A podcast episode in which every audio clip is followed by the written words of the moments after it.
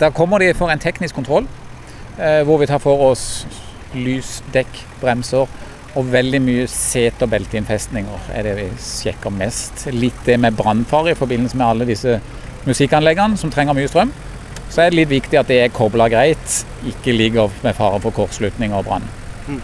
Og Det aller første som gjør, eh, er jo at det er en kontrollør som kjører ned til vekta. Det er det. Og det er litt for at eh, disse russerne skal lære hva, hvor mye last kan vi ha med.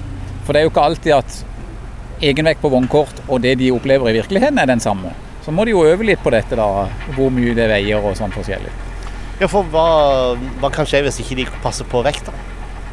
Ja, jeg jobber jo på veien til daglig, og eh, hvis jeg da stopper en vanlig kontroll og tar en vektkontroll, si de da er 500 kg for tunge i forhold til vognkort, så er det stopp. Få av 500 kg før du kan kjøre videre.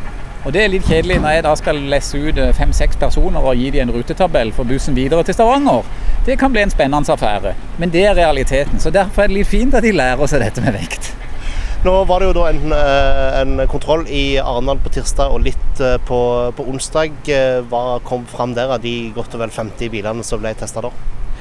Det kom mye positivt, for det var veldig mange helt godkjente biler med bare noen sånne små tullefeil.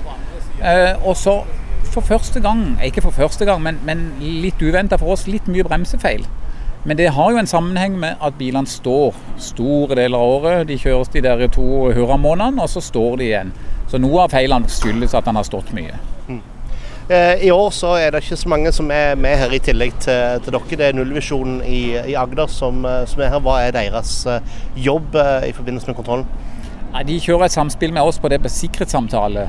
Eh, Hvordan vi skal sikre oss i bilen, hva vi skal tenke på når vi skal ha det så gøy i bil, for det er jo det russen skal ha. Eh, Verne litt om han stakkars sjåføren som har tatt på seg å føre oss trygt frem. Og så er det mange foreldre som vil ha alle trygt hjem igjen. Og da eh, skal de prøve å tenke litt på det sjøl.